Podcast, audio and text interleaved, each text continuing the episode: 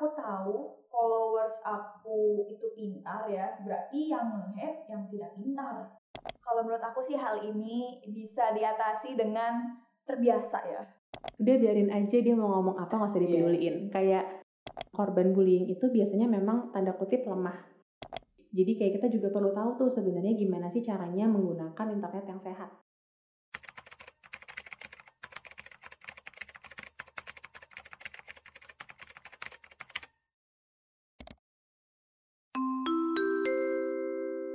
Memasuki dunia digital eksklusif di Spotify.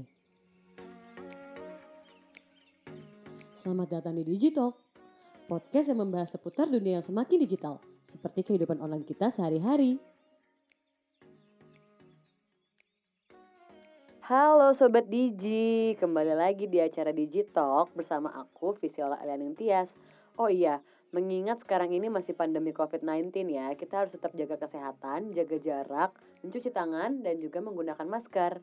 Bicara soal pandemi nih, siapa sih yang di masa pandemi ini nggak menggunakan media sosial kayak TikTok, Instagram, Twitter, Facebook, dan masih banyak media sosial yang lainnya. Karena kan kita di rumah aja ya, jadi bosan. Pasti bukanya tiap hari kalau nggak TikTok, Instagram, TikTok, Instagram gitu kan. Kalau untuk mengisi waktu luang karena kan kita ini di rumah aja ya, semuanya harus serba online. Jadi internet itu berpengaruh banget. Jadi ada data nih ya, dilansir dari website We Are Social yang sudah bekerja sama dengan Hootsuite. Dia menjelaskan bahwa di tahun 2021 ini penggunaan media sosial sudah semakin meningkat. Jadi dari separuh penduduk di Indonesia aja udah dibilang tuh mereka semua uh, melek media sosial gitu. Jadi siapa sih yang nggak pakai media sosial? Dan Ternyata pengguna internet di Indonesia tahun 2021 ini mencapai oh my god ini banyak banget sih mencapai 202,6 juta jiwa. Gila, orang bener-bener udah sih udah emang media sosial aja ya pelariannya tuh kayaknya saat ini. Kalau penat suntuk gitu tuh kayaknya lari pelariannya emang cuman media sosial dan jumlahnya tuh meningkat. Jadi dari Januari 2020 nih sudah meningkat 15,5 persen atau setara dengan 20 juta jiwa. Total masyarakat Indonesia aja udah ada 274,9 juta jiwa. Hmm, banyak banget ya. Udah kelihatan lah ya banyak banget. Meningkatnya 20 juta jiwa yang menggunakan media sosial. Nah, yang paling meningkat pesat nih ya, aplikasi yang pasti sering banget juga nih kalian pakai ya. Aplikasi apa lagi kalau bukan aplikasi TikTok. Selain TikTok ada juga ternyata chattingan Telegram. Cuman TikTok sih ya aku juga baru pakai-pakai TikTok tuh waktu pandemi gitu karena banyak banget deh hiburan-hiburan yang bisa diambil dari TikTok ini. Nah, dengan meningkatnya penggunaan media sosial, ternyata meningkat juga loh kasus cyberbullyingnya. Dan kasus cyberbullying ini bisa merusak mental seseorang. Nah, kalau di dua episode kemarin kita sudah membahas sisi positif dari masa pandemi nih ya, kayak live streaming, bisnis. Ternyata e, dunia digital ini juga ada dampak negatifnya loh. Salah satunya cyberbullying ini yang banyak banget terjadi di media sosial. Sobat Digi pasti udah gak asing lagi dong dengan kata cyberbullying atau yang dalam bahasa Indonesia-nya bisa disebut sebagai perundungan cyber. Jadi ada data lagi nih dari UNICEF dia juga menjelaskan bahwa peningkatan cyberbullying ini meningkat saat masa pandemi sekarang ini. Kira-kira kenapa tuh ya? Aku tuh juga heran sih ya, kenapa sih orang-orang nih suka banget ngurusin kehidupan orang. Semuanya ada aja salahnya pokoknya. Dari fisik, dari ras, suku, agama, bahkan kadang tuh omongan yang duh salah dikit kayak cuman eh ya gitu salah gitu di mata netizen nih kadang-kadang Terus um, ada juga banyak juga orang-orang tuh kadang suka merendahkan hobi-hobi orang atau apa pun yang orang lakukan tuh suka merendahkan sehingga membuat orang tersebut merasa tidak percaya diri.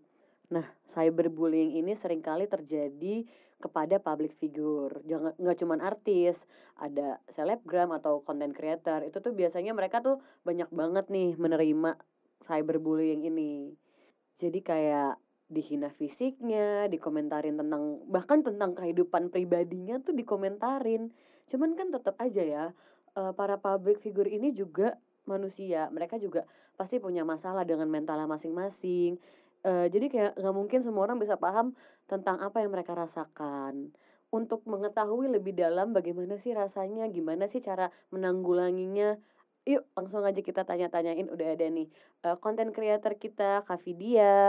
Yuk langsung aja kita tanya-tanya. Halo Kak Vidya. Halo. Sebelumnya makasih lo udah datang ke podcast Digitalk ini. Alhamdulillah ya, aku datang akhirnya. Boleh dong diceritain dulu kakak Kak Vidya lagi sibuk apa sih belakangan ini? Hmm, saat ini sih aku sebenarnya prioritas utamanya harusnya sih skripsi ya sibuknya. Oke. Cuman karena udah punya keluarga, ya Mm-mm, kan, terus udah punya all shop ya. Saya Oh, ibu-ibu iya. all shop. Oh, siapa Jadi- kalau gue tahu? Aku punya eh, berapa ya? Lima. Lima. Cuman dua masih belum siap. Ini upcoming lah, Oh, upcoming oke, project gitu. Oke, oke. Aku bu aku punya aksesoris sekarang lagi off, terus juga punya thrift shop. Sama satu yang lagi lancar banget nih alhamdulillah itu skincare. Mm-mm, Jadi karena sibuk ngurusin itu, makanya skripsinya tiga kali extend nggak kelar-kelar nih. Tapi insya Allah eh, tahun ini lah. Tahun ini ya skripsinya ya. Iya, amin.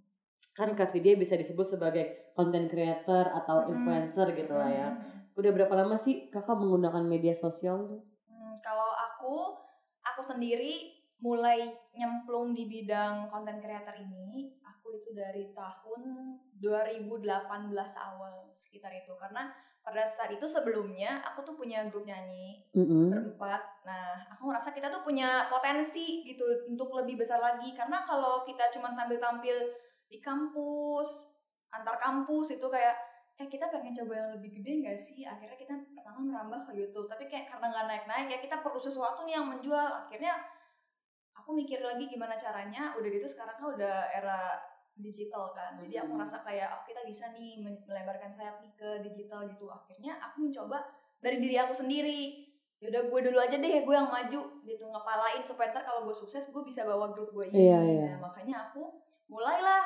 berkonten berkonten terus akhirnya aku sempet emang masuk ke salah satu komunitas K-pop karena aku kan emang suka K-pop kan jadi Mhm. mereka tuh lagi buka uh, rekrutmen talent gitu oke. pada saat itu jadi Mm-mm. aku jadi aku join Mm-mm. aku join jadi talentnya terus eh, setelah beberapa proses aku menjalani apa rekrutmennya akhirnya aku keterima dari empat talent yang diterima di sana nah dari sana aku mulai berkarir di sana aku buat konten di YouTube-nya mereka gitu Hmm. aku buat konten reaction segala macam tentang K-pop terus em, ketemu kan orang-orang yang lebih hebat lagi Iya, gitu iya, eh, iya. apa K-pop K-pop influencer atau content creator yang Hmm. lebih banyak followersnya jadi ketemu mereka diajarin akhirnya sampailah sekarang. Kenapa sih kok memilih untuk menjadi influencer?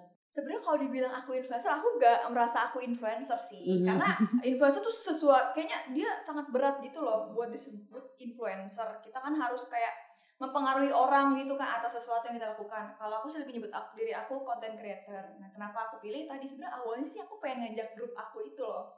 Tapi pas aku naik eh grup aku udah nggak aktif lagi jadi mau nggak Oh. mau ya berarti sekarang gue ngelakuin ini untuk diri gue sendiri akhirnya pada akhirnya yang tadinya cuma iseng-iseng malah jadi mata pencaharian saat ini gitu Berarti aku bergerak kan pakai platform apa aja? Pakai media sosial apa aja? Kalau pada awalnya sih aku itu nyoba di Instagram Instagram dulu. ya sekarang udah merambah ke YouTube Oh, jadi sekarang udah YouTube juga. Iya, jadi sekarang Instagram, YouTube. Tapi sekarang aku juga baru mulai-mulai aktif di TikTok sih ya. Karena yang aku lihat kayaknya TikTok ini algoritmanya sangat-sangat random ya. Jadi dia bisa naikin orang kapan pun dia mau. Jadi kayak TikTok lumayan.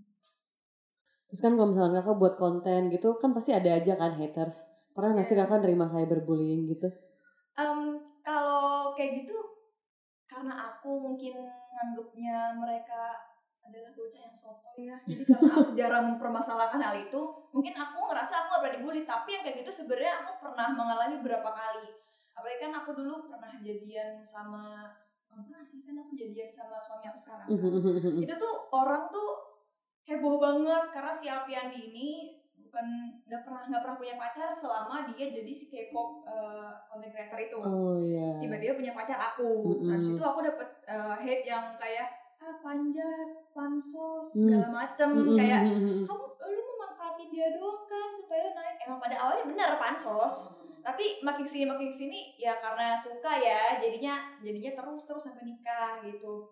Di situ awal awal aku kena hate ya. Itu menurut aku justru itu kayak aku fol- followersnya kayak baru ribuan gitu dan aku udah dapat hate kayak gitu. Mungkin kalau di dia terlalu heboh dan semua orang up mungkin itu nyam- nyampe jadi bullying sih. Soalnya sampai si Alpinya pun turun tangan. Itu hektik banget waktu itu. Aku Iya, bener-bener iya. di head seakan-akan tuh aku cuma pengen followersnya doang Iya. gitu loh. Orang tuh fans itu merasa marah banget tentang itu. Itu salah satunya yang yang aku ingat pada awal aku memulai di Instagram. Terus kalau misalkan ke sini-sini ada sih beberapa yang baru banget itu karena aku keluar dari manajemen aku. Itu sebenarnya alasannya karena habis kontrak. Mm-mm. jadi karena habis kontrak lalu banyak juga alasan-alasan yang buat aku nggak bisa lanjut di sana. Karena kan aku udah punya suami jadi manajemen aku yang lama itu kantornya di Cibubur. Satu jam setengah tiap ke sana pulang balik kayak pergi ke Bandung Iya kan. bener. jadi aku rasa kayak ini buang-buang waktu banget apalagi si Alpi ini juga kerja dia harus antar aku pulang pergi kan tapi sedangkan dia juga content creator. Dari situ udah mulai berat jadi aku mikir kayak udah deh gue keluar dulu aja. Karena ya nggak bisa maksain karena keluarga mungkin yang pertama gitu kan. Akhirnya ya udah aku mutusin pas habis kontrak ya udah kelar aja nggak ngelanjut gitu. Tapi sekarang udah ketemu sama manajemen yang deket banget di sini. Manajemen aku sekarang jadi udah gak terlalu beban gitu loh untuk buat konten gitu sih Tapi untuk dari manajemen yang lama masih banyak dapat hate gak kak?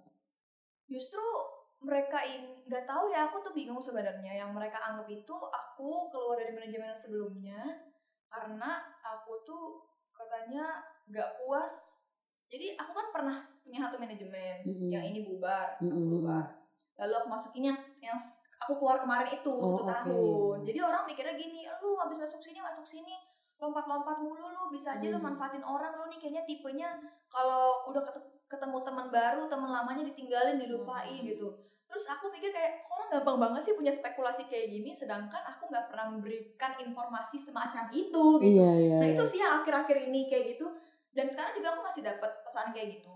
Aku pernah ngerespon dua orang doang karena kalau aku respon terus-terusan pasti makin banyak lagi yang keluar kayak Benar. gitu. Jadi lebih baik aku diemin aja fans-fans anak kecil kayak gitu ya diemin aja lah. Tapi ada dampak emosional tersendiri gak sih buat Kak Vidya? Eh, karena aku tahu followers aku itu pintar ya, berarti yang nge-hate yang tidak pintar. Jadi aku mikir kayak ya udah orang kayak dia diamin aja karena dia kan sotoy banget nih ya. Kecuali dia bilang sesuatu yang benar gitu. Aku akan minta maaf, aku akan introspeksi gitu. Tapi dia kan memberikan hal yang salah. Dia bicara seakan-akan dia tahu padahal dia salah kan. Jadi aku merasa itu bukan hal yang serius buat aku jadi aku nggak pernah mikirin yang sampai kayak aduh gue kena mental gitu itu nggak pernah sih. sama sekali nggak pernah Berarti untuk ada dampak psikologis itu ada yang berpengaruh di kehidupan sehari-hari berarti tuh gak ada? Em, kalau berpengaruh sih mungkin ada sebenarnya itu bukan karena mereka yang mempengaruhi aku tapi karena ini ini contohnya gini aja waktu itu kan aku eh, beberapa hari lalu kan aku sahur ya. Hmm. aku foto aku foto aku lagi ngunyah doang gitu kayak alhamdulillah masih sahur ketiga gitu. Oh iya. ada aja deh yang bilang gini kak sebaiknya jangan dise jangan disebar ya soalnya eh apa ya dibilang soalnya itu ibadah ntar jatuhnya jadi ria aku bingung aku bahkan nggak bilang ih aku habis nyumbang satu juta loh ke sini itu kan baru ria Iya gitu. ini cuma aku gendong punya punya terus kayak alhamdulillah masih bangun sahur ketiga itu mereka beberapa orang bilang kayak gitu itu ria jatuhnya ibadah nggak boleh diumbar-umbar harus di diri sendiri aja sama Tuhan yang tahu dari situ aku udah nggak pernah upload lagi kalau aku habis sahur Oh. karena aku ngerasa gini gue males banget sumpah baca yang kayak gitu gitu jadi bukan karena aku kena mental karena mereka tapi aku lebih kayak udah ah males ribet gitu ya? Iya, aku males banget baca-baca netizen yang kayak gitu karena pasti akan keluar lagi keluar lagi gitu loh. Jadi aku lebih menjauhi dan ngaruhnya kayak gitu jadi kayak gak ngelakuin lagi. Mungkin banyak deh kayaknya kalau influencer influencer influencer influencer kayak dulu karena pasti secara nggak sengaja mereka menghindari hal itu terjadi lagi.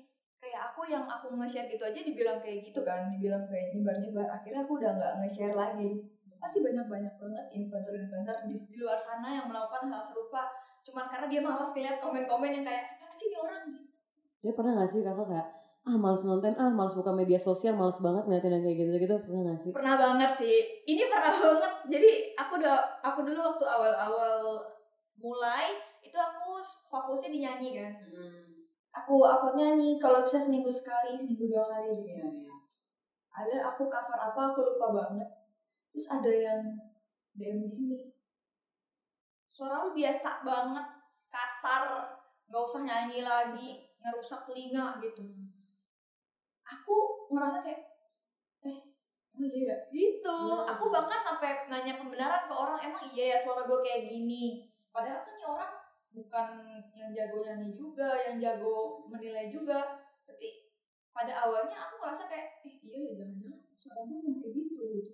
Akhirnya aku dikasih tahu emang kayak gitu fit. Orang-orang pasti banyak yang ada aja komennya. Karena netizen tuh banyak kita nggak bisa memuaskan netizen. Karena kemauan netizen tuh beda-beda gitu kan. Jadi ya begitu buat buat apa ya buat jadi orang tuh ngonten tuh gimana ya aku aku pernah ada posisi di mana kalau buka Instagram gara-gara aku pas dibilang suara aku kurang aku ngerasa jadi aku paling kurang dari semua uh, kayak apa konten creator lain. jadi aku ketika ngeliat konten creator nyanyi atau buat video aku ngerasa aku rendah banget gitu loh kayak gue gak mau lihat gue gue lebih jelek dari mereka itu ada saat kayak gitu pada awal-awal Menurut kakak apa sih yang memicu mereka untuk melakukan itu gitu? salah satu yang mempengaruhi saat-saat ini adalah ini kan digital apalagi di Instagram itu kita dibebaskan untuk buat Instagram tanpa identitas kan Iya. menurut aku ini karena nggak ada batasan yang kayak gitu mereka makanya dengan leluasa punya akun banyak nggak pakai identitas berlindung di balik telur tuh namanya avatar baru kan di Instagram. Dia berlindung di balik itu untuk komentar semaunya tentang yang dia pikirkan tanpa harus dia pikirin dulu ini kira-kira kalau gue komen kayak gini orang bakal ngerasa kayak apa ya? Mereka tuh kayak gitu karena menurut mereka ini enak nih gue nggak bawa ketahuan nih gue siapa Iya, gue iya. komen kayak gini ya udah gue komen aja. Ini salah satu yang yang buat apa ya cyberbullying tuh ada netizen tuh jadi lebih bacot gitu lebih lebih cablak gitu dalam dalam mengomentari seseorang. Jadi gimana ya kalau dibilang netizen ini bener-bener kita nggak bisa deh nutup netizen tuh nggak bisa banget nutup tangannya buat gak ngetik jahat-jahat nutup mulutnya untuk gak jujur itu nggak bisa. Itu salah satu yang paling berpengaruh tuh karena Instagram tuh bisa nggak pakai identitas. Tapi kalau menurut kakak em, ada nggak sih perilaku di media sosial yang kira-kira bikin gak dibully gitu? oh jadi kayak uh, Jadi tindakan kayak- preventif gitu Ah, ah, ah, ah, ah. sebenarnya em, kalau menurut aku pribadi mau kita kayak apa pun netizen pasti ada aja Ada. yang nggak suka bagian yang mana aja tuh pasti ada yang nggak suka gitu jadi daripada kita sibuk untuk memenuhi ekspektasi netizen lebih baik kita fokus kepada diri kita sendiri sampai netizen yang nggak suka sama kita tuh pergi. Jadi kita hanya mempertahankan orang-orang yang suka dengan branding kita saat ini gitu kalau menurut aku. Tapi untuk menyikapi mereka gimana sih? Kan kayak itu kayak aduh jadi males konten jadi males ini. Tapi menyikapinya gimana nih biar kayak tetap semangat konten gitu. kalau menurut aku sih hal ini bisa diatasi dengan terbiasa ya. Karena pada awalnya emang aku gak terbiasa. Mhm. cuman ketika kita udah disadarin lu pasti akan mendapatkan hal seperti itu. Dan ketika kita udah terbiasa dengan hal-hal kayak dikit-dikit pagi hari baru buka IG udah ngeliat komen gitu pada awalnya busem pasti kayak pagi-pagi apaan sih nih gitu. Tapi karena setiap pagi bangun dengan hal seperti itu menurut aku kita bisa jadi terbiasa. Dan kalau yang paling penting supaya nggak mempengaruhi diri kita adalah fokus aja sama diri kita sendiri.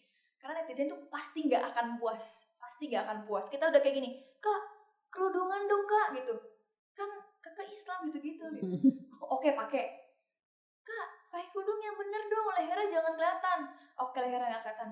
Kak pakai jilbabnya jangan yang itu itu terus dong kak bosan guys apa yang sebelah kalian pengen? Gitu. Jadi Iya, daripada bener. kita fokus ke sana kita capek sama diri kita sendiri lebih baik ya udahlah.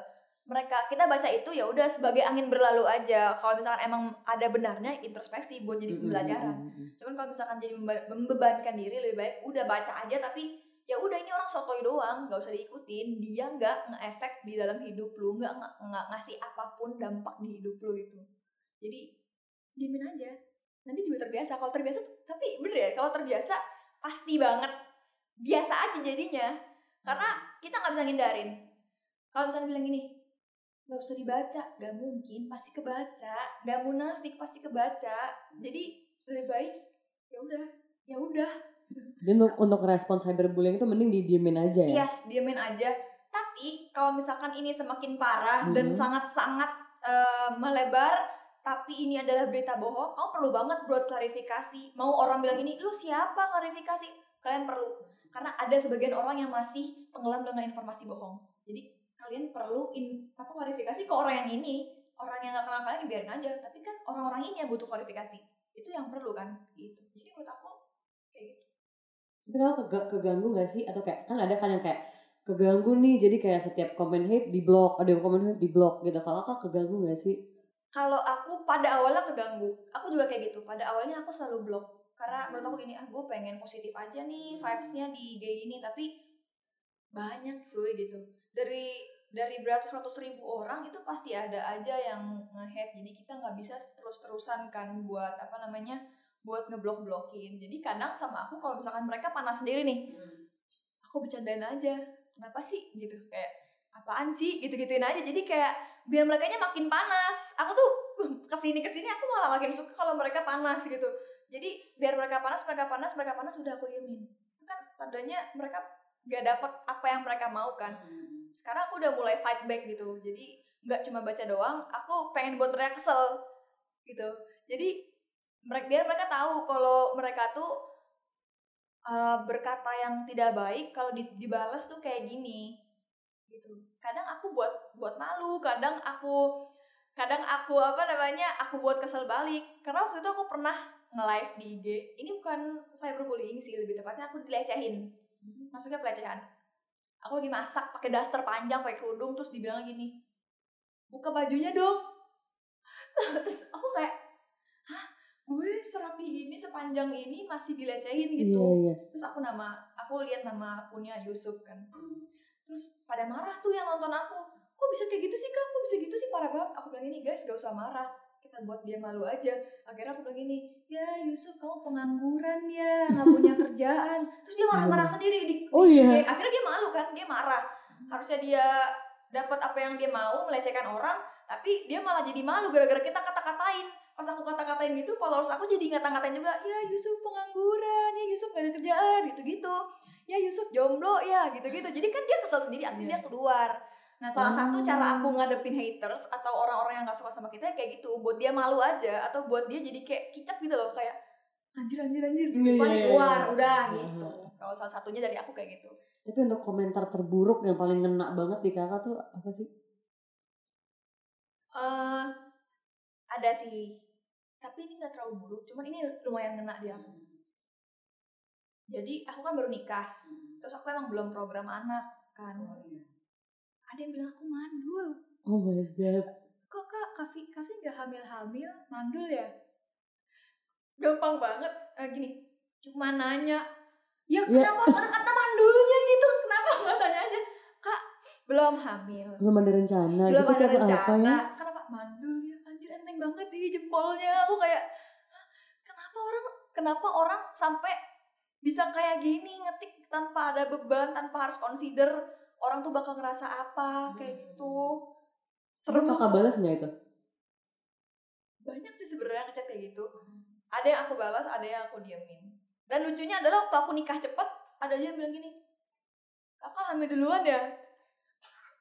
Bingung nikah cepet dibilang hamil duluan nggak hamil hamil dibilang mandul. Jadi netizen tuh ada aja gitu. Dan yang lumayan nyesek ya dua itu. Kenapa kalian harus berpikir negatif sih? Kenapa kalau mau nanya tapi eks- apa pertanyaan kalian tuh negatif? Kalau kalian punya spekulasi kenapa harus negatif duluan? Kenapa nggak husnuzon sih kalau dia mau nanya? Kayak kakak nikah cepat karena corona ya? Kakak nikah cepat karena apa ya? Kan bisa nggak sih kayak gitu? Kenapa harus dia nanya kayak kakak hamil duluan ya kalaupun aku hamil duluan apakah aku akan jawab iya gue by, by accident gitu nggak mungkin juga kayak memalukan diri sendiri gitu kan Mm-mm. jadi yang buat nyesek tuh karena nyenggol keluarga sih Tapi itu kalau bikin kakak ngedown nggak? Hah? Bikin kakak ngedown nggak sih? Atau kayak sempat ya adalah sehari aja abis itu kayak udahlah gitu. sempat ngedown yang dia bilang mandul itu Mm-mm. Kan pada awalnya emang bukan pada awalnya emang pada saat ini emang belum program kan. Mm-mm. terus sampai ada titik di mana karena saking banyaknya orang gini Kavi hamil ya Kavi mandul ya Kavi kok nggak hamil hamil? Jadi aku sampai bilang gini ke suami aku eh kita apa buat anak aja apa program anak aja biar nggak ditanya-tanyain mulu. Sampai aku bahkan aku sampai ke pada pemikiran aku butuh hamil cuman karena untuk membenarkan netizen kalau aku gak mandul gitu soalnya aku sempat punya masalah di rahim aku yang aku nggak bisa hamil jadi aku perlu pengobatan. Tapi masih aja ada jadi kan aku abis nikah nih gendut ya? Bukan gendut sih naik berat badan lah. Jadinya buncit kan bu ya. Terus setiap setiap aku tiktokan setiap apa karena aku udah jadi gemukan selalu diginin Kavi hamil ya? Gitu. terus Kavi itu perutnya aku gede banget hamil ya. Jatuh-jatuhnya jadi body shaming tuh. Ya kan? Iya setiap benar. aku bilang enggak guys aku buncit. Kok belum hamil mandul balik lagi ke situ. Ah, jadi netizen ini bener-bener ada aja ya orang nikah tuh seakan-akan tujuannya tuh untuk reproduksi gitu. Padahal kan enggak ya. Jadi gak bisa gak bisa dihindari lah yang kayak gitu walaupun dia sangat-sangat buat aku kayak "Apa kita buat anak aja ya gitu. Tapi emang harusnya aku nggak kayak gitu sih. Harusnya nggak punya pemikiran kayak gitu. Pada akhirnya aku disadarin sama suami aku gitu. Jangan kayak gitu. Biarin aja kalau netizen ngarap apa ngarap apa ya udah itu kan netizen. Ini kan keluarga kita. Kenapa harus netizen yang ikut campur sedangkan yang jalanin kita berdua gitu. Akhirnya aku mulai kayak ya benar terbiasa gitu. Walaupun sampai sekarang masih ada tapi terbiasa itu adalah hal yang kita harus tanamkan dalam diri ya supaya lebih bisa legowo sama apa yang netizen bilang. Kita kan nggak bisa selamanya ngeblok ngeblok kalau kita blok dia bisa buat akun baru. Gitu kan? Dia akan selalu jahat kalau emang dia pengen jadi jahat. Jahat tuh pilihan dan sama kayak baik. Jadi daripada kita sibuk ngurusin yang jahat ya udah fokus aja sama orang yang support kita. Jadi menurut kakak kalau misalkan yang sekiranya udah nyentuh psikolog psikolog psikologis seseorang gitu psikologis kakak gitu kakak masih bisa ngehandle sendiri atau kakak udah kayak eh, ada pikiran kayak aduh pengen ke dokter deh atau pengen cek deh pengen ini deh gitu. Pernah gak sih?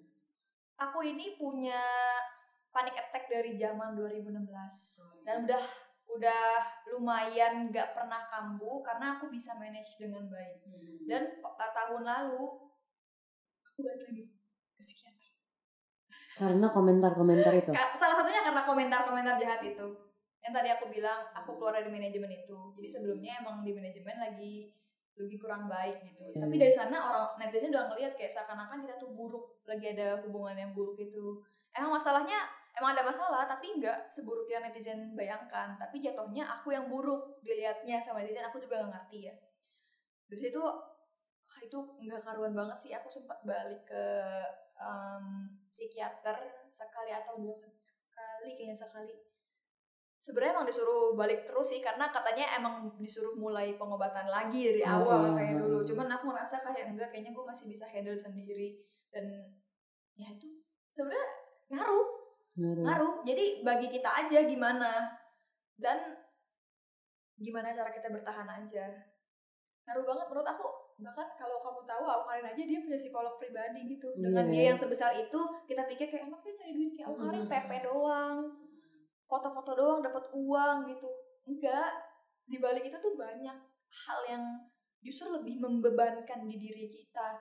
Karena dari dari cyberbullying ini dari kata-kata jahat netizen ini itu berpengaruh sekali ketika kita sampai mempertanyakan sebenarnya kita tuh kemampuannya apa. Sebenarnya kita bener gak sih bisa kayak gini? Sebenarnya kita tuh layak gak sih? Gitu sampai ke sana. Makanya aku sempet ke psikiater. Karena waktu itu panik attack aku bener-bener kambuh banget yang di mana aku tuh sakit sakit kepala gemeteran yang gini berdiri nggak bisa mual-mual. Jadi wah ini gak kehandle lagi sih. Tapi setelah saat itu diajarin aja daripada lu sibuk banget ngurusin haters lebih baik lu sibuk bersyukur sama Tuhan ya kayak gitu. Lu lihat deh gara-gara netizen lu jadi balik lagi nih penyakit lu. Lu lu sedih gak sih kira-kira ngelihat Tuhan lu em, lupa lu lupa sama Tuhan lu untuk bersyukur dibandingkan lu harus fokus sama yang ngejahatin lu. Fokus aja sama ngebaikin lu bersyukur kepada Tuhan sayang sayangin temen yang lagi Iya, support benar. lu hargai orang-orang di sekitar lu. Dan dari situ ya love self love itu baru baru kayak iya bener self love diri ini penting banget loh gitu. Jadi haters itu ngaruh loh. Iya benar. Ngaruh sih terus kalau misalkan ada skala 1 sampai 10 nih menurut kakak eh, seberbahaya apa sih media sosial itu dari 1 sampai 10 Wah bahaya banget. Aku nggak bisa scale. Kayaknya itu kalau bisa ada nilai tertinggi dia paling tinggi. iya. Karena di luar manfaatnya sangat banyak negatifnya juga banyak banget. Salah satunya dia bisa membunuh. Gitu. Mau nggak bunuh fisik dia bisa bunuh mental orang. Kalau misalkan dia mampu gitu cari pertolongan atau seenggaknya dia mampu uh, survive dengan diri dia sendiri kalau enggak gimana luar sana banyak banget orang-orang yang bunuh diri karena cacian yang bunuh diri karena dia nggak siap dengan orang membenci dia gitu. Padahal yang dia lakuin juga nggak salah-salah banget istilahnya. Walaupun salah nih misalkan misalkan aku melakukan kesalahan itu nggak itu nggak menjadi hak lu untuk membenci dia untuk mencaci dia biarkan hukum yang memproses dia gitu. Lu gak ada hak buat nge dia. Tapi kan tapi kan uh, orang kita sebagai netizen pasti ada aja nih kalau misalkan yang ih Luna cinta Luna ini gini gini ikut ngehead gitu. Pengen aja gitu. Gimana ya lancang banget. Jadi selama uh, Instagram atau media sosial lainnya belum ada hukum yang jelas dan belum ada proses proses pidana yang jelas ya akan selalu berbahaya sampai kapan pun. Orang sekarang aja udah ada UU ITE orang masih berani kok. Iya coba dong dikasih pidananya apa kek? Penjara tuh sebulan misalkan istilahnya ada hukum kayak gitu. Mungkin masih banyak tapi orang jadi lebih aware kayak oh ini masuk dalam crime loh. Sampai harus dipenjara sampai gue harus bertanggung jawab kayak gitu. Maksudnya ya literasi yang kayak gitu yang diperlukan. Jadi kalau dibilang skala berapa nggak bisa. Itu tinggi banget deh scale paling ujung deh berbahayanya kalau bagi aku ya. Apalagi kalau bahkan uh, gimana ya karena HP bener-bener liar banget sekarang anak kecil aja yang umurnya kayak masih baru 9 tahun bisa ngehead gitu. Iya. Kita nggak kita nggak jarang kan ngelihat kayak ada banget yang ngehead pasti datangnya dia masih kelas 2 SD. Itu belajar dari mana? Itu bahaya banget loh. Jadi gimana ya kalau dibilang kalau dibilang skala berapa nggak bisa beneran. Karena itu bener-bener membahayakan bahkan bukan cyberbullying. Bibitnya pun bisa muncul dari kita dari anak kecil ngelihat orang ngebully kayak Ih, seru iya, ya ngebully. Dia pikir itu hal yang biasa gitu. Lucu mungkin bagi hmm, mereka. Ya. Iya, ya udah biasa aja gue lontarin aja apa pun yang gue mau. Padahal itu berbahaya banget untuk masa depan orang-orang masa depan anaknya gitu kan. Itu bahaya banget gitu. sekarang uh, untuk pertanyaan terakhir nih apa sih pesan dan saran Kak Vidya untuk orang-orang yang kena cyberbullying? Hmm, kalau kita bilang lu pasti bisa itu klise banget ya. Tapi yang jelas yang namanya dibully itu nggak akan pernah bener mau lu salah atau enggak tapi jangan menyerah cuman karena perkataan orang yang bahkan nggak kenal lu gitu. Karena ketika kita dibully atau kita mendapatkan sesuatu yang buruk kita cenderung akan selalu menerima hal-hal yang negatif pada diri kita. Jadi ketika ada teman atau orang yang support kita kita akan ngerasa kayak enggak gue tuh kayak gini gitu. makanya jangan kalau kita lagi dibully jangan jangan merasa lu tuh sendiri gitu. Karena aku pun ngerasain kalau kalau dilihat sama orang aku ngerasain seakan-akan diri aku tuh sendiri. Mau dia peduli enggak gue sendiri. Ini yang kita harus tanamkan di diri kita kalau itu pasti ada yang support kita tuh nggak sendiri. Maka jalaninya bareng-bareng. Ketika ada orang yang rela meluangkan waktunya untuk menemani lu lewati jalan yang sakit ini biarkan mereka gitu. Biarkan mereka membantu lu. Jangan biarkan diri lu sendiri. Karena yang paling penting ketika lu sakit itu harus ada orang di sampingnya. Harus ada orang yang tahu keadaan lu dan jika ketika lu nggak bisa handle lagi orang ini bisa ngisi. Jadi pesan aku jangan menyerah karena pasti akan lewat gitu. Dan jangan pernah mencari alasan untuk menyelesaikan hidup cuman karena dibully sama orang yang ngerasa paling bener yang ngerasa paling ngerasa di atas kita gitu. Mereka bahkan ngebully kita belum tentu mereka yang mereka bully itu kayak ngatain lu itu tentu bener. Daripada lu sibuk itu, ya udah lu sibuk sama diri sendiri. Jangan jangan berusaha untuk membahagiakan orang lain, bahagiakanlah diri sendiri dulu. Oke. Makasih loh sudah meluangkan waktunya untuk Digitalk ini. Iya, makasih juga loh karena karena aku sebenarnya suka banget ditanyain tentang mental health ya. Aku juga uh, berpengalaman sama yang hal-hal kayak gini. Iya, jadi aku ah, bersyukur banget. Terima, terima kasih, kasih atas waktunya iya, terima kasih semua tim ya. Nah tadi kan kita udah ngedengerin pengalaman dari Kak Vidya yang pernah kena cyberbullying kan Sekarang kita akan mendengarkan penjelasan dari psikolog anak dan remaja yaitu Karinda. Halo Karinda. Halo Visi. Boleh dong dijelasin dulu udah berapa lama sih Karinda nih jadi psikolog? Uh, sudah dua tahun dari mulai 2019 awal uh, aku jadi psikolog klinis anak dan remaja di Jakarta. Hmm, oke. Okay. Pernah nggak nanganin kasus cyberbullying? Pernah, kebetulan kan aku uh, kerjanya juga di sekolah ya. Jadi selain di klinik juga di sekolah. Nah, di sekolah ini di anak-anak remaja, anak-anak SMA. Oh, iya. Jadi aduh banyak banget gitu di sana dari yang seru banget sampai yang kerasa banget gitu sampai um, dampaknya ternyata panjang. Jadi um, pernah waktu itu kejadiannya di saat dia SMP aku ketemu dia di SMA masih ke bawah sampai sekarang gitu dampak oh. itu gitu. Dan pengaruhnya ke adaptasi dia ke uh, lingkungan sekolahnya gimana dia mau bersosialisasi kayak gitu gitu tapi faktor apa sih yang mendorong orang itu bisa melakukan cyberbullying? Wah ini banyak banget sih sebenarnya karena cyberbullying itu tuh kayak perilaku yang kompleks banget gitu ya. Nggak ada satu faktor aja yang bisa menjelaskan itu. Hmm. faktornya banyak mulai dari misalnya internal faktor internal berarti dari uh, pelakunya itu sendiri.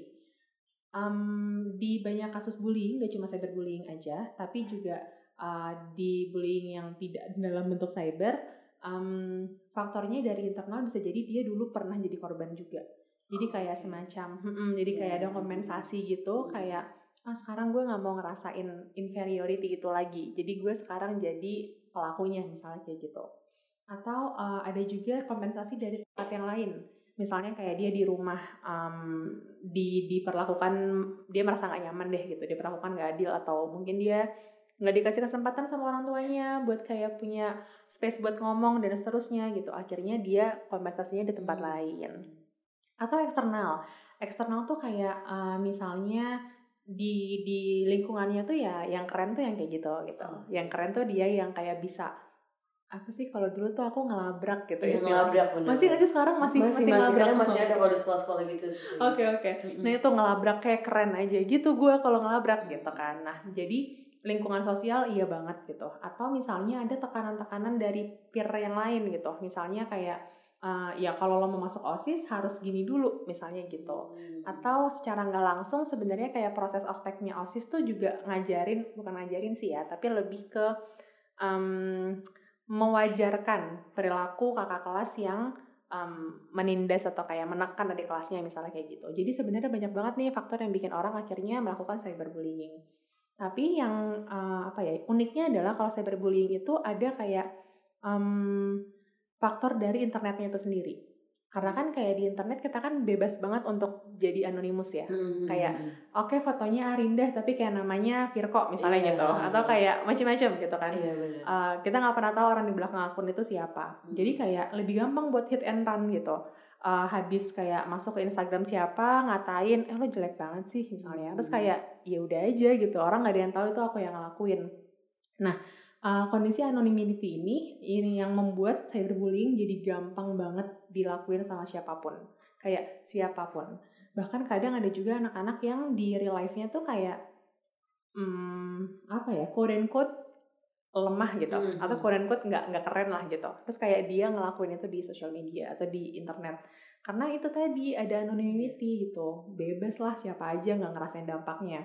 Sedangkan kalau kayak di real life kan kita kelihatan ya iya, kayak uh, uh, bisa langsung dimarahin lah hmm. atau mungkin dijauhin gitu kan hmm. tapi kalau ini enggak juga jadi gitu sih dan banyak lagi faktornya kompleks banget kalau dampaknya untuk korbannya gimana kak Ah, dampaknya juga bervariasi banget. Dari mulai yang paling uh, tanda kutip mm -hmm. ringan gitu ya, mm -hmm. kayak dia jadi minder, dia jadi yeah. Um, bisa bersosialisasi atau kayak mau mau berteman sama orang lain kayak ragu, mm -hmm. ntar gue diomongin gak ya, ntar ini gak ya? gitu.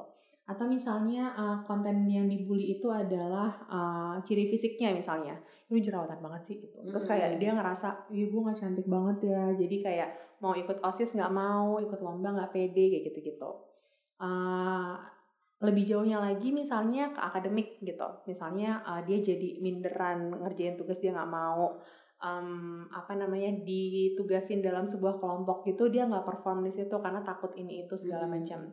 Sampai yang paling beratnya adalah hmm, kalau sudah kegangguan yang lebih um, klinis gitu ya lebih serius gitu misalnya kayak dia jadi cemas malah jadi nggak mau masuk sekolah sama sekali gitu karena ngehindarin situasinya.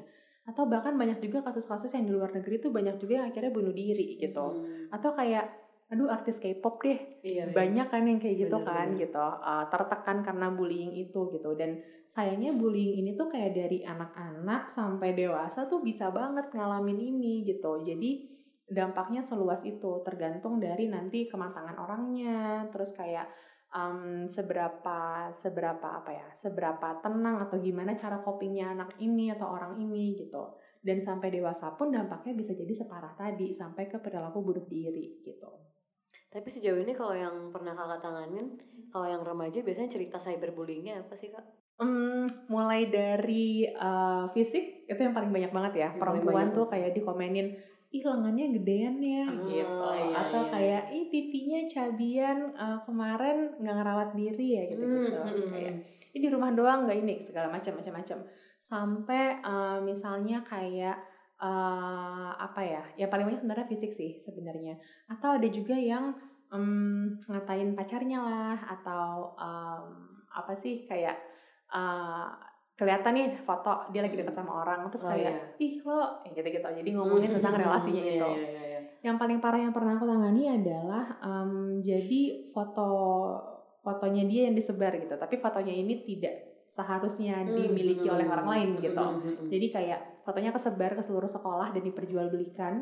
Uh, dan ya karena itu me- melibatkan uh, platform digital dan sosial media gitu ya. Uh, jadi ya itu menurutku masuk ke cyberbullying gitu. Itu yang paling parah sih menurutku dan, Dan lumayan rasanya sering gak sih kak? Tapi ini Kayaknya ya, Fotonya tuh lumayan sering deh. Soalnya pasti ada aja. benar Heeh. awalnya tuh kayak dari pacar misalnya Mm-mm. gitu kan ngirim foto ya segini dulu terus Iya, agak ke bawah benar, lagi heeh, gitu benar-benar. terus disalahgunakan gitu-gitu sih yang bahaya banget tuh yang kayak gitu-gitu Tapi untuk kasus cyberbullying ini tuh dampaknya ke korban doang atau ke pelakunya juga sih kak? bisa sih dampaknya ke pelakunya juga tadi yang aku bilang sebutin pernah eh, sempat sebutin dikit ya kalau kayaknya nih atau mungkin aja em, pelakunya dulu adalah korban gitu. Oh, jadi iya. sebenarnya perilaku bullying dia yang sekarang adalah dampak dari bullying dia di masa lalu gitu. Dia dulu dibully. Kemudian habis itu juga ketika sekarang nih konteksnya dia yang jadi uh, pelakunya gitu ya. Dia sendiri bisa jadi kayak um, ada juga orang-orang yang merasa bersalah sebenarnya. Tapi karena adanya peer pressure dia tampil seperti kayak biasa aja atau Hmm. kayak biasa aja kok dia emang ya dia pantas emang mukanya jelek nggak sih kayak gitu-gitu Oh, iya. tapi sebenarnya deep down inside dia juga ada rasa bersalah kayak gitu-gitu Oke. Kemudian juga uh, biasanya sih peer pressure itu ya. Jadi yang uniknya dari dari um, fenomena bullying ini adalah uh, bullying terjadi ketika pelakunya ada dalam sebuah kelompok. Tapi ketika dia berdiri sendiri tuh, aduh kecil deh kemungkinan dia akan ngebully sendiri gitu. Hmm. Karena ketika masuk ke dalam sebuah kelompok rasanya tuh kayak power kita makin gede gitu. Kita merasa lebih powerful dari orang lain, lebih mampu segala macam gitu. Dan di situlah mulai muncul bullying. Dan bullying sendiri itu sebenarnya kalau by definition um, harus ada kayak kesenjangan power antara pelaku sama uh, korban. korban gitu. Jadi nggak boleh yang dua-duanya tuh sama-sama setara nih misalnya. Hmm, hmm, Tapi harus ada salah satunya emang kelihatan lebih lemah hmm. atau misalnya yang satunya kayak em, apa uh, ketua osis yang ini adalah bawahannya Hmm. jadi kayak pasti ketekan gitu di sini jadi nggak imbang nah em, di sisinya si pelakunya itu sendiri tadi selain perasaan bersalah dan seterusnya em, bisa jadi juga sebenarnya bukan bisa jadi seringnya adalah sebenarnya perilaku bullyingnya ini adalah dampak dari sebuah masalah lain sih sebenarnya dan itu menyebabkan uh, masalah dasarnya ini yang semakin parah jadi semacam kayak jadi secondary effect gitu kali ya. Bukan efek langsung dari perilaku bullyingnya Hmm. tapi karena dia ngebully jadi masalah dasarnya dia yang makin gak tertangani. Dan akhirnya mungkin akan membesar gitu perilakunya.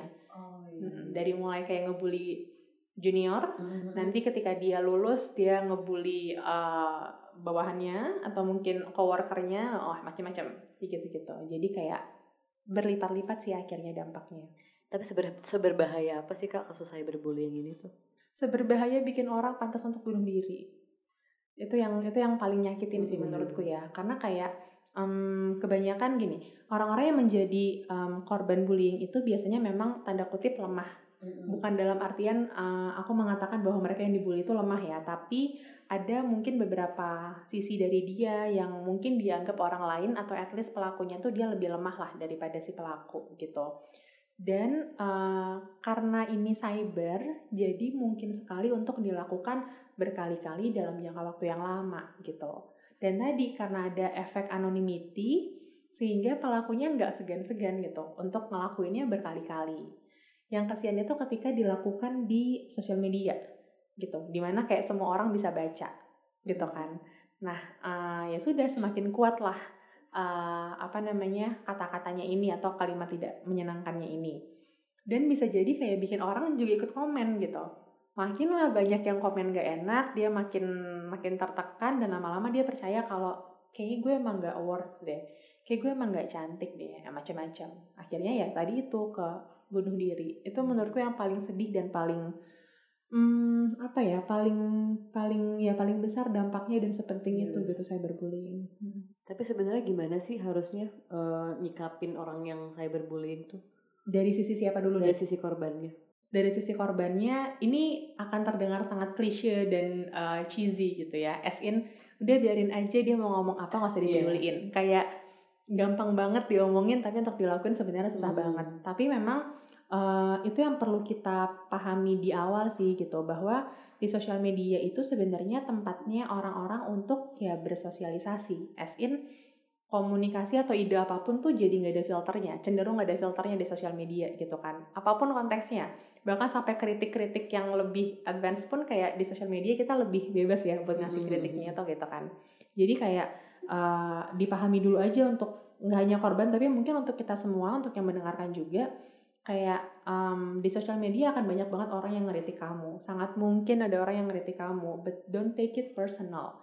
Karena kayak ya you live your life aja gitu. Um, dan yang yang apa ya yang ini juga adalah perlu banget kita buat belajar tentang digital literacy. Jadi kayak kita juga perlu tahu tuh sebenarnya gimana sih caranya menggunakan internet yang sehat. Dan yang hmm, apa ya yang justru bisa ngebantu kita buat lebih produktif gitu dan juga gimana caranya berinteraksi bersosialisasi dengan lebih respectful. Gitu itu sih yang hmm, penting banget iya, gitu. Makanya kayak mulai nih sekarang di sekolah-sekolah tuh banyak banget edukasi-edukasi tentang digital. Jadi digital literacy lagi digalakin banget. Hmm. termasuk dari uh, dari tadi yang paling receh-recehnya itu misalnya gimana caranya komen atau komen yang baik dan gak baik tuh kayak gimana sih gitu. Atau misalnya uh, ketika kamu mau support orang atau mana sih yang kayak uh, bisa disupport dan gak disupport misalnya atau perilaku apa yang udah yang kayak gini-gini lo diem aja nggak usah di komen deh gitu-gitu misalnya. Sampai yang lebih advance-nya lagi misalnya uh, uh, ngambil referensi misalnya gitu. Itu kayak yang udah lebih kompleks dan kayak akademik banget lah gitu ya. Tapi intinya digital literacy mengajarkan kita untuk bisa um, menggunakan internet dan apa pun yang ada di dalamnya dengan lebih bertanggung jawab gitu. Itu penting banget sih kalau untuk um, mengatasi dampak psikologisnya itu dari kakak sebagai psikolog gimana sih kak? Untuk korban ya berarti ya? Untuk korbannya. Um, untuk korbannya yang pertama kalau misalnya kamu ngerasa udah mulai merasa tertekan gitu hmm. sama satu orang atau satu kelompok, um, boleh banget loh untuk kayak ngekat diri kamu. Jadi kayak ngasih batasan. Ini yang kadang-kadang kita nggak nggak nggak paham gitu atau bahkan kita ragu buat ngelakuinnya setting boundary itu penting banget dan ini hmm. boleh banget untuk dilakuin apalagi kamu di sosial media gitu jadi kalau misalnya emang kamu nggak nyaman matiin aja kolom chat atau hmm. mungkin kalau mau uh, apa namanya um, out sekalian dulu gitu ya hmm. ya udah nggak apa-apa gitu terus habis itu uh, tapi kalau misalnya kayak udah di lock out masih kepikiran itu wajar banget hmm. itu yang perlu kita pahami nanti uh, yang penting bukan lockoutnya atau bukan so called social debt social media detox gitu kan lagi hits banget kan yeah, sekarang. Yeah. Uh, bukan itunya yang penting tapi apa yang kamu lakukan ketika kamu lagi detox? Hmm. udah off social media ya kamu ngapain di luar sana gitu. Lakuin aktivitas yang kamu suka cari hal-hal yang menurut kamu bikin kamu excited gitu. Jangan paksa buat ngelakuin hal-hal yang kamu nggak suka gitu. Namanya lagi detox ya yeah, yeah. ya masukin hal-hal baik gitu kan. Hmm Kemudian uh, apa namanya kalau misalnya udah dilakuin juga self care-nya segala macam masih nggak enak rasanya, ya jangan ragu buat akhirnya cari pertolongan juga gitu. Mungkin bisa cerita sama temen yang dipercaya atau mungkin sama orang yang lebih dewasa atau dianggap lebih mampu atau mungkin bahkan ke uh, profesional gitu. Terus um, gimana sih cara ngebedain perilaku yang cyberbullying sama yang enggak mungkin kan ada yang kayak bercanda doang tapi kayak yang korban ini nganggapnya kayak ih gue dibully gitu gimana sih kak beda ini Iya sih bener dan ini sering kali jadi alasan gitu loh Heeh. dari pelakunya kayak baperan banget sih orang Iya, gue bercanda iya. doang gitu kan. Heeh. Yang perlu diperhatikan adalah ketika tadi pertama ada kesenjangan tuh, yang satu kakak kelas, yang satu junior. Ya jarang ada sekolah yang junior sama kakak kelas tuh bisa kayak saling apa ya uh, setara gitu Ah, kan, akur gitu ya. akur gitu kan. Paling paling ada rasa sungkan-sungkannya gitulah gitu. Nah kalau sudah itu yang terjadi itu bisa jadi satu tanda tapi bukan satu-satunya. Habis itu terjadi berulang-ulang. Ada uh, dampak atau kayak manfaat tanda kutip uh, pokoknya keuntungan dari sisi si pelakunya gitu dari melakukan itu. Dan yang korbannya pasti ngerasain terganggu ngerasa nggak nyaman bahkan sampai mungkin ada aktivitas yang nggak bisa dilakuin gitu. Misalnya kayak dia jadi nggak mau sekolah ke kampus aja dia malas banget ngerjain skripsi karena harus uh, sebimbingan sama dia tuh susah banget buat gerak kayak gitu-gitu. Jadi kayak ngerugiin di banyak aspek juga di sisi si uh, korbannya gitu. Itu sih yang perlu dicek. Dan ketika uh, kita udah ngomong nih, misalnya let's say kita bisa ngomong berani gitu ya. Ya gue gak suka lo ngomong kayak gitu, jangan lagi ya gitu. Tapi di situ orangnya atau pelakunya malah tadi malah bilang apaan sih lo baper banget gue kan bercanda nah itu bisa jadi tanda juga tuh gitu. Kalau itu bukan bercanda. Karena bercanda yang baik adalah bercanda yang tetap bisa respectful each other, Iya, respect iya, untuk iya. satu sama lain gitu. Jadi ya mungkin itu bisa jadi tanda tuh checklistnya teman-teman. Hmm. kalau udah mulai kayak gitu kayaknya perlu perlu dikat deh perlu dikasih batasan deh gitu Kalau tadi kan udah dari sisi korban ya kak. Kalau dari sisi keluarga atau teman, kalau mereka menemukan keluarga dan temannya kena cyberbullying tuh gimana? Misalkan yang korban cyberbullying ini cerita sama keluarga atau temannya, mereka harus nanggepinnya gimana sih kak? Uh, ini ini penting banget nih karena uh, yang menjadi korban ini perlu ditemenin ya. Dia nggak Hmm. bisa kayak uh, resolve semuanya sendiri dan akhirnya recovery sendiri gitu ya. Iya, Uh, aku mungkin satu-satu kali ya dari temen dulu. iya. Uh, kalau misalnya temen, kamu tahu sahabat kamu, teman kamu, atau mungkin teman sekelas dibully secara cyber, uh, yang pertama kamu bisa ngasih tempat aman buat dia. Jadi kayak jadilah teman ceritanya dia, um, tawarin telinga aja gitu. Hmm. Kas, kasih tahu dia sampein kalau kayak kalau lo mau cerita apa apa gue ada gitu misalnya. Itu udah ngebantu banget karena dia jadi ngerasa um, gue punya tempat aman. Kalau di sosial media gue nggak aman gue punya lo buat jadi tempat aman gue gitu. Dan itu udah support banget. Yang kedua um, kasih pandangan yang netral.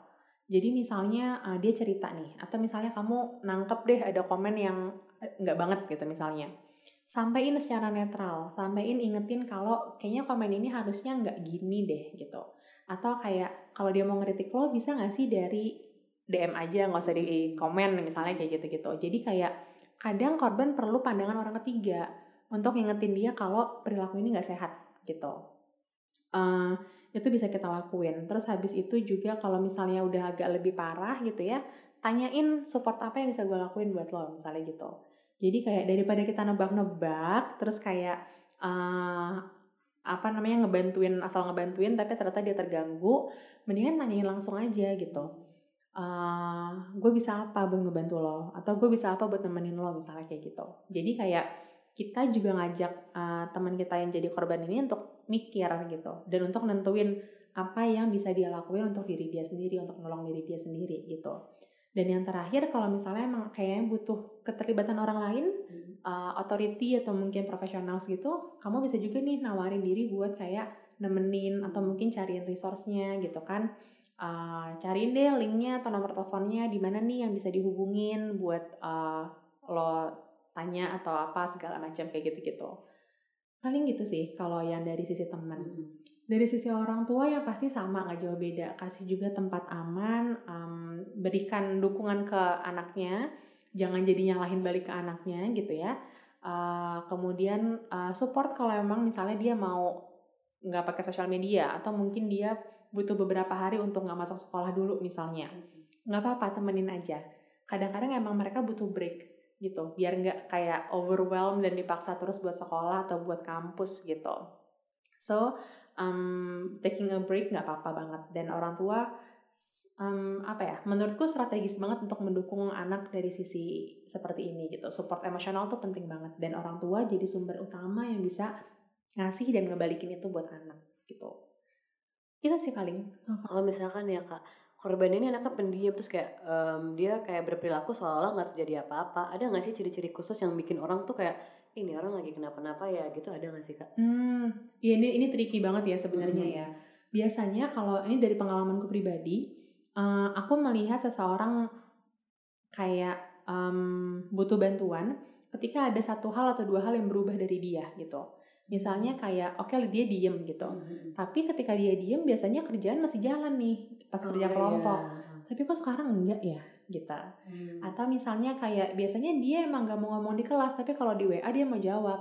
Tapi sekarang udah di WA tiga hari kok nggak jawab-jawab ya gitu. Jadi perubahan-perubahan perilaku kayak gitu yang perlu kita notice tuh gitu. Dan itu bisa juga jadi pintu pertama buat kamu ngedeketin dia. Misalnya kamu notice nih, dia masuk kelas tapi nggak pernah eh, apa namanya nggak pernah absen atau nggak pernah nggak pernah selalu telat ter- selalu terlambat gitu. Kita notice terus habis itu bisa one day kita deketin terus nanya kayak gue notice dia lu tiga hari empat hari ini kayak nggak pernah nggak pernah masuk awal. Dulu perasaan masuknya awal mulu sekarang telat terus. Kenapa lu? Gitu.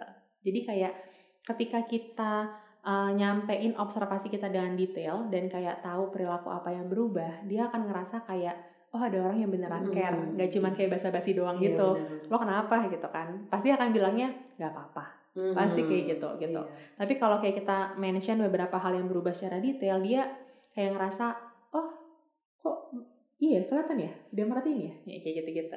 Mungkin awalnya akan bilang kayak enggak nggak apa-apa gitu. Tapi ketika kita approach lagi dua kali tiga kali, mungkin ada kesempatan untuk akhirnya dia cerita dikit-dikit gitu misalnya. Tapi Oh, iya. ya dari ciri-ciri kayak gitu sih biasanya perubahan-perubahan kecil yang terjadi di Mhm. dia. Kalau ada skala dari 1 sampai 10 menurut kakak seberbahaya apa sih media sosial? Wah ini susah banget nih pertanyaannya Karena sebenarnya sosial aku percaya sosial media itu adalah tools Hmm. Sebenarnya alat gitu Ini sama pertanyaannya kayak dari 1 sampai 10 sebenarnya seberapa bahaya sih palu Oh, iya. Kayak palu bisa jadi sangat fungsional gitu kan Tapi bisa jadi sangat membahayakan Iya. kalau salah dipakai Mm. Sosial media juga kayak gitu Sebenarnya dia akan jadi alat yang sangat-sangat membantu Buat belajar Banyak banget sekarang di sosial media hmm, hal yang bisa kita pelajari bahkan TikTok aja banyak orang yang kayak Hmm. ngepost uh, isinya lebih dari goyang-goyang doang gitu kan Hmm. Uh, terus habis itu itu dari belajar atau connect sama orang lain atau bahkan kenalan sama orang lain bangun uh, network banyak banget sebenarnya tapi kalau dipakai buat cara yang salah ya akan sangat-sangat membahayakan gitu bahkan makanya kan beberapa waktu belakangan kayak ada isu uh, apa sosial media um, Instagram mau ngapus kolom komen kolom uh, likes-nya juga nggak mau Hmm. kelihatan gitu-gitu kan Hmm. karena kayak banyak orang yang terdampak kesehatan mentalnya gara-gara nungguin likes, Iya. ngebandingin likes gitu-gitu. Iya. Jadi kayak satu sisi bisa jadi sangat membahayakan, seberbahaya sembilan mungkin, Iya. uh, tapi satu sisi lain bisa jadi tidak membahayakan gitu. Untuk pertanyaan terakhir nih, ada nggak sih saran, pesan dan saran kakak eh, agar kasus bullying ini tuh bisa berhenti? Waduh, berat nih. Eh, tadi yang aku sudah sempat sebutin di awal, digital literacy itu penting banget buat kita pahami. Mau kamu terlibat atau tidak terlibat dalam sebuah cyberbullying gitu ya, menurutku semua orang yang menggunakan internet perlu banget tahu dan ngerti eh, bagaimana menggunakan dan memanfaatkan internet secara bijaksana. Itu yang itu sih menurutku kayak satu hal yang besar banget yang perlu dipahami sama orang-orang. Uh, di sisi lain kayaknya kalau misalnya kita mau bilang uh, cyberbullying gimana cara ngilanginnya tuh kayak kayak berusaha untuk ngilangin demam berdarah dari dunia gitu. Kayak susah banget dan Hmm. pasti bakal ada terus gitu Hmm. kan. Yang bisa kita lakuin adalah meminimalisir dampaknya gitu. Kita nggak bisa ngontrol orang akan ngomong apa di sosial media pun kita nggak bisa ngontrol orang lain akan komentar apa tentang kita. Mau bagus mau buruk ada aja yang komentar kan. Tapi kita bisa ngasih benteng gitu. Ngasih benteng ke diri kita sendiri buat kayak milah-milah mana yang oke dan gak oke. Atau misalnya mana yang uh, perlu dianggap serius mana yang kayak angin lalu aja ya gitu-gitu. Jadi kayak akhirnya digital literacy itu yang menurutku perlu supaya kita sendiri punya shieldnya tadi tamengnya tadi gitu. Gitu sih. Oke, udah sih itu aja sih kita eh, kira-kira itu aja sih. Makasih ya kak, udah mau meluangkan waktunya untuk podcast ini. sama-sama terima kasih juga Terima ya kesempatannya. sama-sama Indah. Oke Sobat Digi, jadi berdasarkan perbincangan yang sudah kita lakukan bersama dua sudut pandang nih ya berarti. Satu dari content creator atau yang menerima cyberbullying. Satu lagi dari seorang psikolog yang menanggulangi cyberbullying tersebut. Jadi kita bisa tarik kesimpulan ya dari situ Kita tuh gak boleh, jangan gitu ngurusin hidup orang lain. Boleh, berpendapat itu boleh. Tapi alangkah baiknya jika berpendapat tuh yang positif. Kita seperti memberikan saran atau memuji karyanya kayak gitu loh. Jadi janganlah menjatuhkan. Terus kita nggak boleh menjatuhkan orang karena kita nggak tahu kondisi mental orang tersebut tuh gimana. Bisa jadi mereka yang kayak bisa langsung terkena mental banget terkena dampaknya banget sampai-sampai mereka parah-parahnya tuh ya tadi kalau kata Karinda memutuskan untuk bunuh diri. Itu kan bahaya banget ya kalau kayak gitu. Terus apa sih keuntungan dari kita ngurusin hidup orang lain? Kan nggak ada untung-untungnya banget ya untuk hidup kita ya. Karena nggak ada untungnya buat kita tapi kita merugikan orang lain gitu. Karena mental mereka terganggu. Walaupun seperti yang udah kita dengar juga pelaku cyberbullying itu bisa jadi dia bis, pernah dibully atau mungkin eh, balas dendam kayak gitu. Cuman ya alangkah baiknya untuk tidak dilakukan. Karena yang bisa kita lihat sendiri ya gampang banget melakukan cyberbullying itu. Kita bisa menjadi seorang anonimus tanpa diketahui sama orang yang kita bully itu.